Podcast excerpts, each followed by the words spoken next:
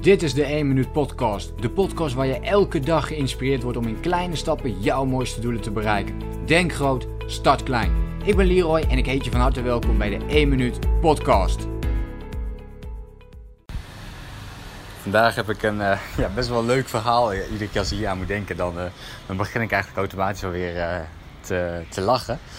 En dat is ook een heel belangrijk onderdeel van deze podcast en van het inzicht wat ik graag met je wil delen. Dat uh, gaat ook over ja, smiling, uh, over lachen. En ja, inmiddels zit ik in Vietnam, maar uh, dit gebeurde in Thailand een paar maanden geleden. En ja, ik weet niet waarom ik het niet eerder heb gedeeld. ik zat er toen volgens mij over na te denken om dat te doen. Maar het stond op een lijstje om het, om het hier even over te hebben. En ik dacht, het is wel een goed moment om, om dat te gaan doen. Dus ik zat in Chiang Mai. dus de tweede grootste stad van, van Thailand. mooie plek.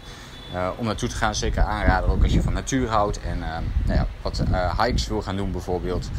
Dan is, is dat een goede plek in Thailand om dat te doen. Maar anyway, daar gaat het niet over in deze podcast. Waar het wel over gaat is dat ik een plek had gevonden. dus een appartement. En als ik dat appartement uitliep. Dit gebeurde volgens mij ook meteen al op de eerste of tweede dag of zo. Dat was ja, heel bijzonder. En ik dacht meteen van, oh mijn god, waarom gebeurt mij dit nu ook alweer? Uh, maar ik liep er dus uit. En uh, ja, weet je, ik, ik had zoiets van: oké, ik ben in Azië. Dus um, ja, datgene wat je moet doen en hoe je kunt communiceren met uh, de mensen daar is gewoon lachen. Weet je wel, je hebt. de meesten kunnen geen Engels.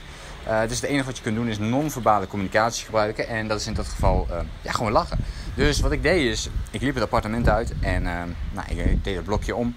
En op een gegeven moment liep daar dus een, een Thaise man. En ja, ik noem hem een beetje gekscherend de, Thaise hoedenman.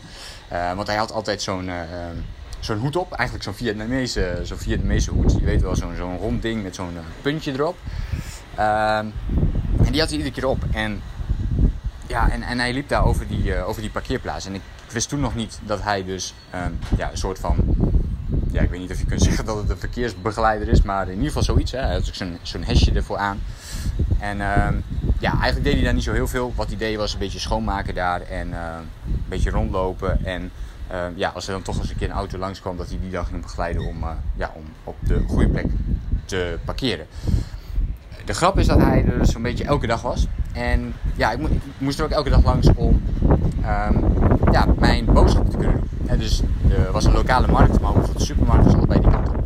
Dus de, de eerste keer meteen, ik, liep daar langs en uh, ja, goed, en ik, ik lach dan dus wel veel. Uh, en in vergelijking tot ja, veel andere, bijvoorbeeld uh, buitenlanders, die, die doen dat misschien toch iets minder.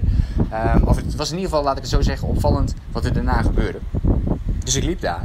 En ja, ik begon te lachen en, en hij begon een beetje, ja, een beetje zo te zwaaien. En ik begon ook zo te zwaaien. En natuurlijk hallo zo te zeggen in, in het Thais. En nou, hij vond het helemaal fantastisch. En ja, ik liep natuurlijk gewoon verder en ik dacht van wow, wat een, wat een, ja, wat een sympathieke man. Hij is hele brede grijns. En uh, ja, daarna kom ik terug en uh, hij weer uh, uit zijn stoel komen meteen. En hij schiet uit zijn stoel en hij begint weer te zwaaien en, te lachen. En ja, ik, ik, doe het zelf weer terug.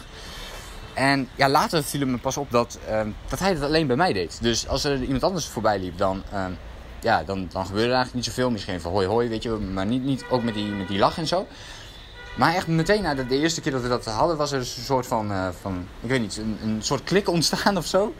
Uh, waarbij iedere keer dat ik weer lang liep, dat hij weer uit zijn stoel opstapte en uh, meteen weer begon te schreeuwen. En in positieve zin dan, en te lachen. En ja, als ik daarna weer terugkwam met bijvoorbeeld de tros bananen of ja, nou ja, wat voor lokaal voedsel ik daar ook maar ophaalde. Passiefruit, dragonfruit, noem het allemaal maar op, drakenfruit.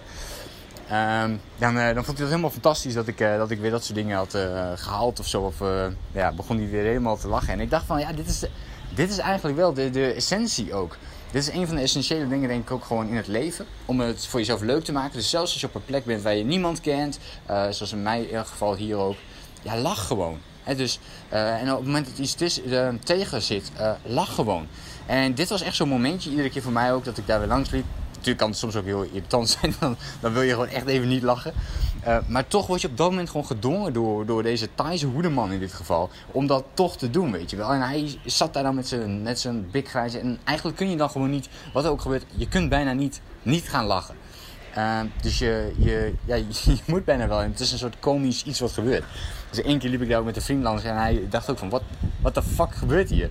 Uh, en ik zei van, ja, ik, ik zei toch, dit is, uh, ja, dit is mijn, uh, mijn Thaise vriend zonder dat we ook maar één woord eigenlijk echt met elkaar hebben gewisseld. Natuurlijk probeer ik wat Thaise kleine woordjes er, er, erin te gooien en dat vindt hij dan ook helemaal fantastisch.